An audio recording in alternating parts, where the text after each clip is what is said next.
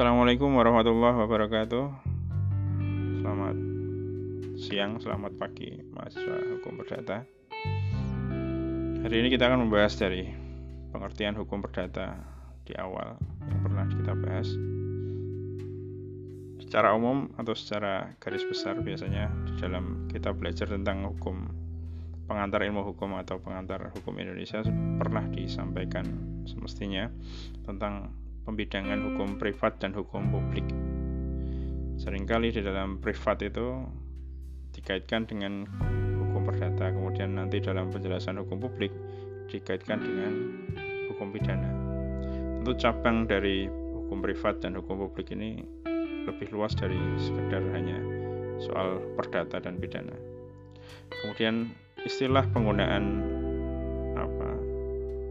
ada definisi lain ya terkait dengan hukum perdata ada yang menyebutnya sebagai hukum sipil atau nanti kemudian dipertentangkan dengan militer.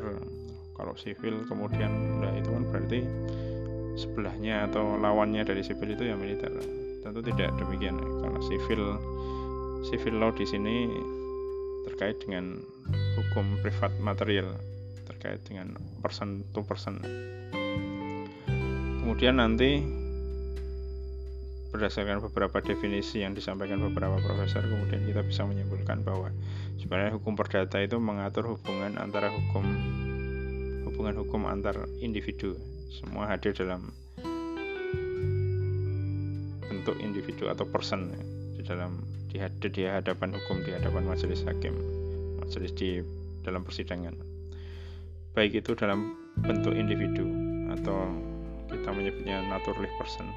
Anda, saya secara individu sebagai warga negara atau nanti ada juga yang hadir dalam bentuk badan hukum atau reh person atau lembaga yang dipersonkan menjadi individu supaya nanti diperjuangkan atau di dalam sengketa itu dilindungi diupayakan untuk melindungi hak-haknya kemudian hukum perdata melindungi kepentingan perseorangan kemudian Definisi hukum perdata material merupakan keseluruhan hukum pokok yang mengatur kepentingan perseorangan, berbeda dengan hukum yang lain atau aturan-aturan hukum yang lain.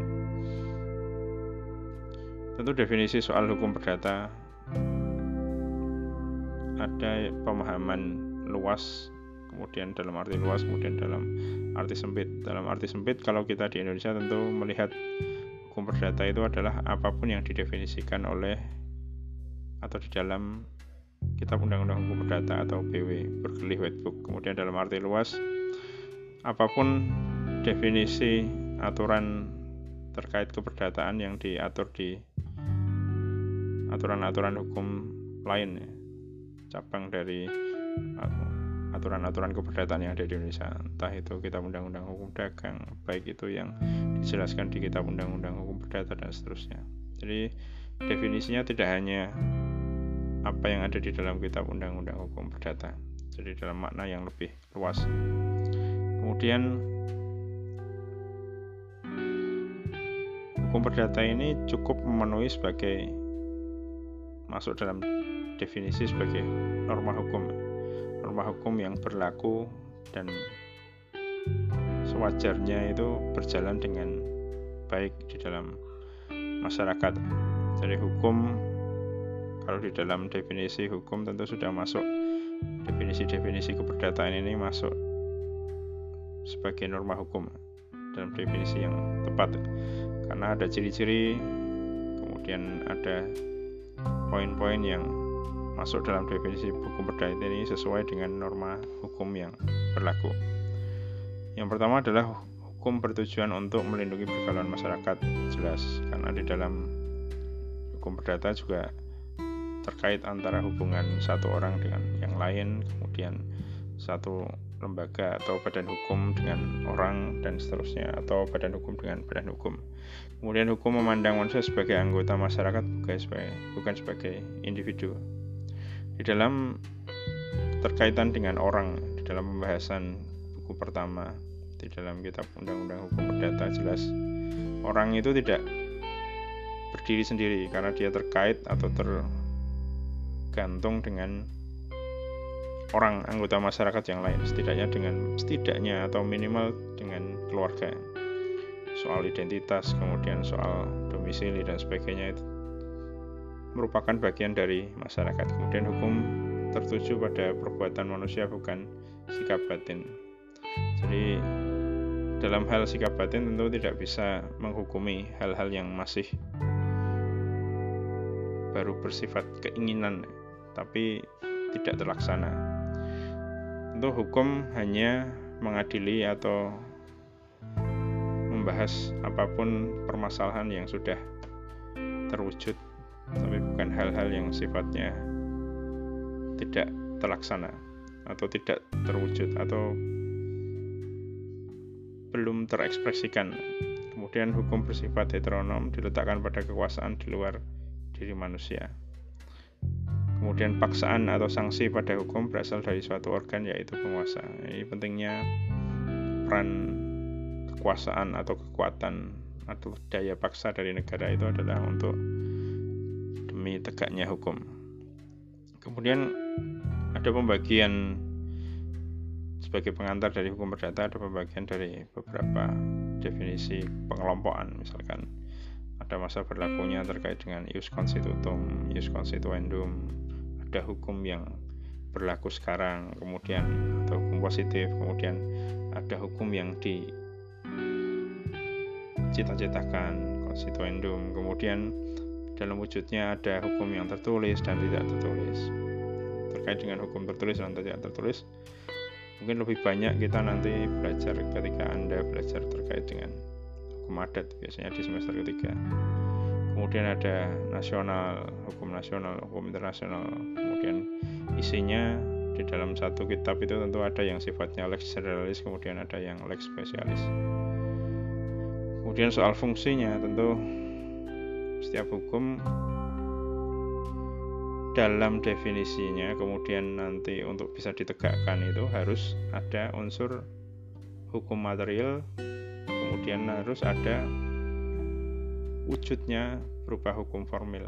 Jadi tidak mungkin hukum material itu hanya material, tapi ketika pelaksanaannya secara formil tidak ada acuannya, tentu tidak bisa ditegakkan. Kemudian di dalam beda antara material dan formil tentu secara garis besar Anda sudah paham ketika belajar pengantar ilmu hukum jadi material adalah segala ketentuan hukum yang mengatur hak dan kewajiban seseorang dalam hubungannya terhadap orang lain. Ketentuan, ketentuan hukum itu dimuat di dalam undang-undang material atau di dalam daftar aturan-aturan material terkait dengan ketentuannya, kemudian definisi perbuatan, kemudian kebendaan itu apa, semua definisi itu dijelaskan di dalam material. Kemudian formil adalah segala ketentuan-ketentuan yang mengatur cara untuk mendapatkan keadilan di muka bumi. Jadi formil ini adalah acara. Kalau kita sudah menyebut hukum acara perdata, hukum acara pidana ini adalah formil, formalnya. Alur formalnya bagaimana hukum itu ditegakkan, bagaimana yang material itu ditegakkan itu di dalam acara. Bagaimana misalkan di dalam tugas kepolisian menegakkan kemudian bagaimana majelis hakim itu beracara kemudian bagaimana proses penahanan kemudian penyitaan kemudian bagaimana semestinya eksekusi itu dilaksanakan aturannya bagaimana itu di dalam ranah hukum formil sedangkan material hanya menjelaskan soal definisi definisi definisi yang harus dipertahankan nanti ketika di dalam formil. Sedangkan di dalam secara huk, secara ilmu hukum, sistematika hukum perdata menurut ilmu hukum itu, itu semestinya di dalam setiap ilmu keperdataan ada pembagian hukum perorangan, kemudian hukum keluarga, hukum kekayaan, dan hukum waris. Kemudian tentu pembagiannya tidak seperti ini di dalam kitab BW, di kitab Undang-Undang Hukum Perdata tidak langsung perorangan kemudian buku satu buku satu kan kita tahu sudah bahwa buku satu adalah tentang orang kemudian kedua kebendaan kemudian tiga tentang perikatan, empat pembuktian dan daluarsa. Sedangkan secara secara keilmuan dalam keperdataan, hal-hal perdata itu mencakup satu adalah perorangan, keluarga, kekayaan, dan waris. Kemudian kekayaan nanti dibagi menjadi kekayaan relatif. Kalau di dalam definisi hukum BW masuk dalam hukum perikatan, kemudian ada kekayaan yang sifatnya absolut. Itu kebendaan. Karena relatif itu karena perikatan ada ikatan dengan apa subjek hukum yang lain atau kepemilikan itu bisa karena ada perikatan, ada transaksi, jadi sifatnya relatif. Kemudian dalam sistematika kitab undang-undang hukum perdata, Anda bisa baca terkait dengan fungsi hukumnya. Kemudian dalam kodifikasinya, tentu kodifikasi ini dibuat seefektif mungkin dan sesistematis mungkin oleh pemerintah Hindia Belanda. Kemudian kita adaptasi kemudian disesuaikan di Indonesia. Kemudian kodifikasi kita undang-undang hukum perdata sudah seperti yang disampaikan tadi tentang buku satu tentang orang dua tentang benda tiga perikatan dan empat tentang pembuktian dan daluarsa sedangkan kalau membandingkan antara konsep ilmu pengetahuan hukum dalam hal keperdataan kemudian dibandingkan dengan BW isinya tentu berbeda karena ada bagian yang sering kali tidak dibahas di dalam hukum keperdataan atau pengantar hukum perdata yaitu adalah buku keempat tentang pembuktian dan daluarsa. Seringkali kita memasukkannya atau membahasnya ke dalam materi hukum acara perdata. Anda bisa baca di slide di halaman 13 itu dari slide pertama. Akan terlihat bahwa hukum perorangan itu masuk di buku satu, kemudian hukum keluarga juga masuk dalam buku satu di dalam buku tentang orang ini buku satu tentang orang ini kita anda kalau pegang BW anda juga akan melihat bagaimana hukum antara anak dan orang tua kemudian apa hubungan antara suami dan istri dan seterusnya terkait dengan keluargaan pernikahan perkawinan. Kemudian hukum soal kekayaan atau harta benda itu masuk dalam dua kitab ya, dipisah. Ada yang absolut itu masuk dalam buku kebendaan, buku dua tentang benda, hak kebendaan. Kemudian buku ketiga tentang perikatan. Kemudian hukum waris yang juga masuk dalam kajian hukum perdata itu masuk ke dalam hak pembahasan hak tentang kebendaan di buku kedua. Anda bisa banyak baca lebih lanjut tentang sejarah. Kalau sejarah hukum perdata tentu sebagian Anda bisa simak di pengantar ilmu hukum eh, pengantar hukum Indonesia semestinya sudah sebagian dibahas kemudian nanti di hukum adat itu juga penting dibahas tentang sejarah sejarah bagaimana apa masuknya atau mempengaruhi pemerintah Hindia Belanda itu mempengaruhi tatanan hukum yang ada di Nusantara itu bagaimana? Karena tentu dengan masuknya hukum seperti BW, Burgerlich Wetboek, WVS, Strafrecht, Wetboek, Bandel dan sebagainya ini tentu merusak bukan merusak ya, merubah merubah tatanan yang dulu mereka atau kita ini semuanya menggunakan hukum adat kemudian harus sebagian harus menyesuaikan dengan hukum Belanda. Kenapa sebagian? Karena kalau dilihat dalam sejarahnya tentu tidak serta-merta semua wilayah di Nusantara ini tidak langsung spontan diterapkan. Kalau spontan diterapkan tentu banyak yang melawan. Tapi oleh pemerintah Hindia Belanda itu kemudian diterapkan secara bertahap. Mereka memetakan termasuk salah satu peran dari apa pemerintah apa sisi baik dari atau manfaat dari munculnya pemerintahan Inggris bagi pemerintah Belanda adalah baik Dendels maupun gubernur jenderal yang lain dari Inggris ini memetakan wilayah-wilayah. Kemudian mereka suka dengan etnografi kemudian mereka memetakan wilayah terkait dengan adat dan sebagainya itu kemudian dimanfaatkan oleh pemerintah Hindia Belanda untuk memetakan wilayah mana yang kira-kira patut secara bertahap dimasukkan apa hukum kolonial tentu ya, prioritas pemerintah kolonial Belanda adalah daerah-daerah yang memiliki kaitan dengan dagang dan industri yang mereka miliki di dalam wilayah Nusantara. Misalkan kota-kota seperti Jakarta, ada pemukiman kolonialnya, kemudian ada apa wilayah dagangnya, kemudian seperti Semarang, Surabaya, Medan, dan beberapa kota yang lain. Tentu prioritasnya adalah wilayah-wilayah di mana kepentingan individu atau badan hukum Belanda itu harus di proteksi tentu lebih dikedepankan atau lebih diprioritaskan untuk segera ditetapkan diterapkan baru nanti wilayah yang lain kalau yang lain itu masih dominan hukum adatnya sampai sekarang pun masih banyak tentu wilayah-wilayah yang di Indonesia yang lebih dominan dalam menegakkan hukum adatnya. Kemudian di dalam pembahasan soal sejarah Anda bisa baca di bagian akhir ini sebagian ya.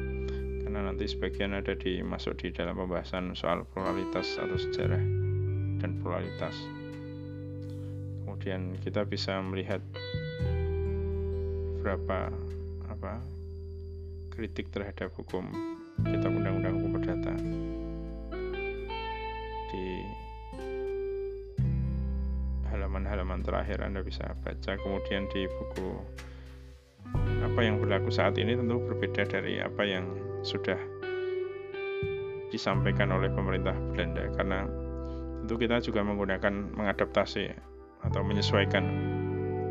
Karena aturan-aturan yang ada di dalam kitab undang-undang hukum perdata tentu sifatnya bersifat apa nuansanya Katolik tentu tidak sesuai dengan hukum Islam. Kemudian adat Tionghoa, orang India, kemudian Arab itu juga berbeda dalam terutama dalam hal hukum keluarganya, kemudian dalam perkawinan, kemudian dalam membagi waris itu terutama sangat berbeda.